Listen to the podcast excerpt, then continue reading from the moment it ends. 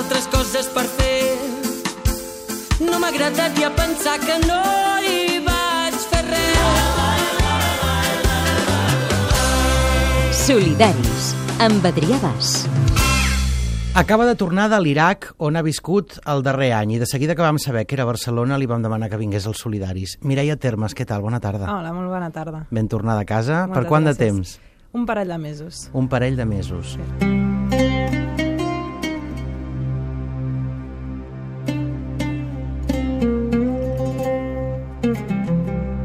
Fa molts anys que vius al Líban i de sobte, per la teva feina amb una organització internacional, vas passar a viure a l'Iraq. Quant de temps hi has estat?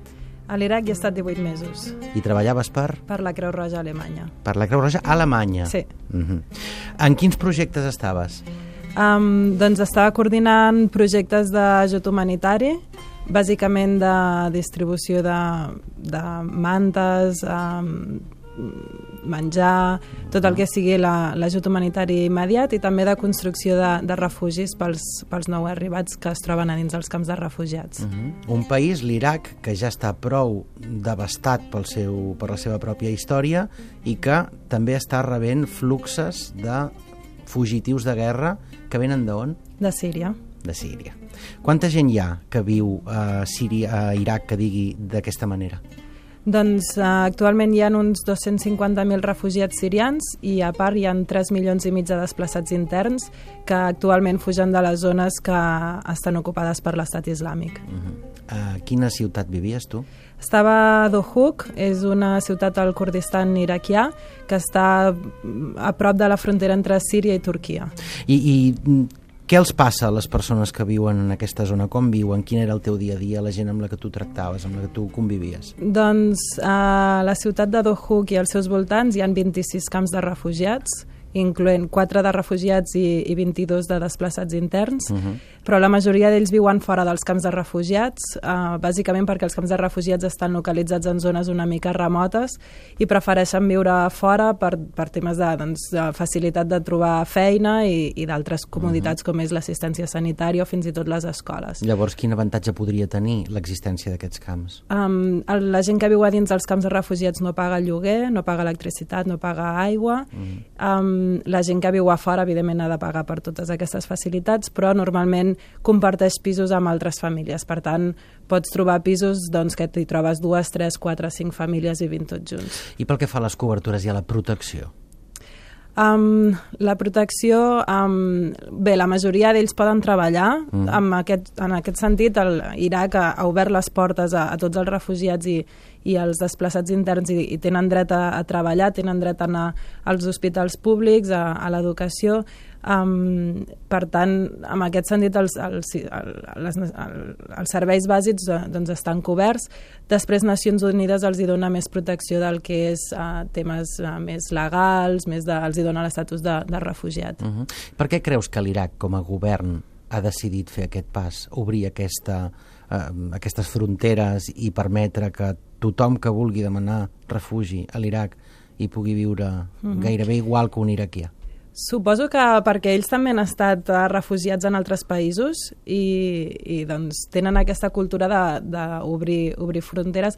En el cas del Líban, per exemple, era completament al, al contrari. El Líban sí que va tancar fronteres amb els sirians i això era segurament perquè també hi havia la història darrere dels refugiats palestins que hi havien anat al 48 i no tenien aquest precedent que no volien que, que es tornés a repetir. Uh -huh. En canvi, a, a l'Iraq aquest precedent no, no hi és i, i suposo que han obert les fronteres per això. No hi ha cap raó geopolítica, estratègica, amagada, diguem-ne. Jo diria que no, No, que en tu tot sàpigues. cas ho desconec, uh Mhm, -huh, sí. Uh mhm. -huh. I, de fet, tots aquests desplaçats interns havien d'anar a algun lloc igualment i actualment l'única zona segura de l'Iraq és el Kurdistan. Tota l'ajuda que tu dius que ajudaves a repartir, que contribuïes amb la teva feina, d'on venia, d'on prové? Els fons venien del govern alemany, Directament. sí. Uh -huh. uh, és molta, és poca en comparació amb altres comitès que pugui tenir la Creu Roja d'altres països. Um, és considerablement alta perquè també Alemanya té un interès de, de mantenir els refugiats a, hauria mitjà, uh -huh. per tal de no, bueno, d'intentar frenar una mica l'allau de refugiats a, Europa, i no només el govern alemany, sinó que a Iraq molt, hi ha molt, un nombre molt alt d'ONGs amb un pressupost bastant alt, perquè, bueno, primer perquè l'emergència és molt alta, però segon també perquè la, molts dels refugiats que estan arribant a Europa provenen d'Iraq, no només de Síria. Uh -huh. I tant a l'Iraq com al Líban, per la teva experiència, què creus que és el que cal? Que és, quin, quines són les feines prioritàries, més enllà de l'assistència humanitària d'emergència, uh -huh. eh, que haurien d'emprendre les organitzacions, les ONGs, però també eh, les institucions? Um... Perquè una cosa és com ho veiem des de Barcelona, en sí. aquest estudi de la Diagonal, avui que plou, sí. i una altra cosa és com es veu des de les ciutats com les que tu has vist els teus últims 4 o 5 anys. Mira, um, la majoria de refugiats que estan a Iraq ara mateix, i són des de fa 3 i 4 anys, uh mhm. -huh. perquè el, la guerra està durant Massa. Un, massa, exacte. Um, I molts d'ells ja han rebut ajut humanitaris, també venen camps de refugiats, no volen anar a Europa perquè és, allà és casa seva i el que volen és treballar. Mm. Per tant, anar donant ajut humanitari és una cosa com que sempre dic jo que... recorregut, té un, té un sí, temps curt, però diguem. és per posar pedaços, uh -huh. -huh. però en el fons el que s'ha de fer és generar uh, llocs de treball que puguin començar a tenir una vida més o menys normal, um, per, sobretot pels, pels refugiats sirians, hi ha la concepció de que encara que la guerra de Síria acabi, aquests refugiats no tornaran.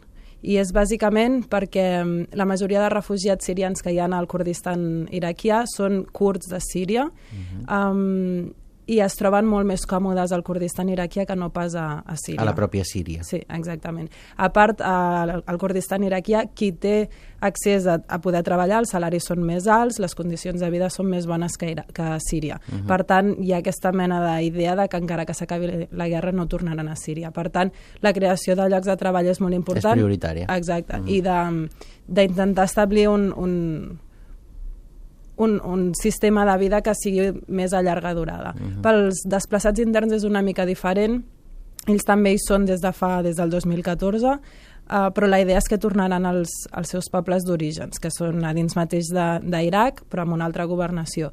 Um, el problema és que per tornar als seus pobles d'origen, que han estat ja alliberats per de, de l'estat islàmic, islàmic. Um, el que es necessita és la construcció de, doncs, de les cases, del sistema d'electricitat, de tornar a crear hospitals, escoles, tota mm. la infraestructura per poder crear un lloc habitable mm. on, on abans hi vivien. Quin és ara el poder, la força del Daesh a l'Iraq? Home, ara està perdent molt de poder, sobretot perquè s'està intentant alliberar la ciutat de Mosul, que és la ciutat més important que, que tenien fins ara.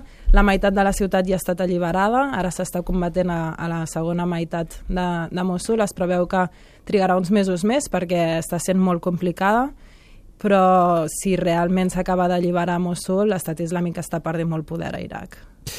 Tu tens por de la guerra, Mireia? Um, quina pregunta.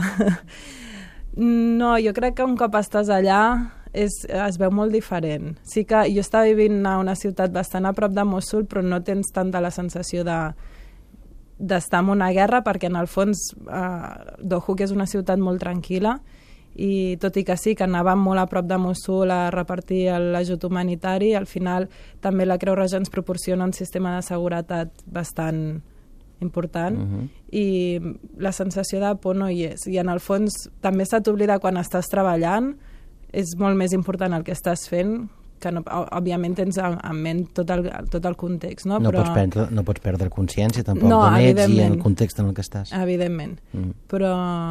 I la gent amb la que tu tractaves? Si tenen por? Sí. Clar, ells han viscut en permanent conflicte des de fa molts anys. I n'hi ha que hi han nascut. I n'hi ha que hi han nascut i jo crec que al final un s'acostuma. Això és, I... potser és el pitjor, no, d'això? Sí, exacte. Permetre com la consciència humana arriba a un punt que, que això ho minimitza. Sí. Quan és un drama. Sí, i tant. I ara on, Mireia? Ara, de moment, aquí, estic esperant la següent missió, que encara no sé on serà, uh mhm. -huh. però segur que, bueno, Ben aviat. Ben aviat n'hi haurà alguna. Doncs esperem sí. que o allà o quan tornis ens ho passis a explicar pels solidaris. Mireia Termes, moltes gràcies. Moltes gràcies a tu. Les entrevistes, els reportatges, les seccions dels col·laboradors. Descarrega-te'ls a catradio.cat barra solidaris.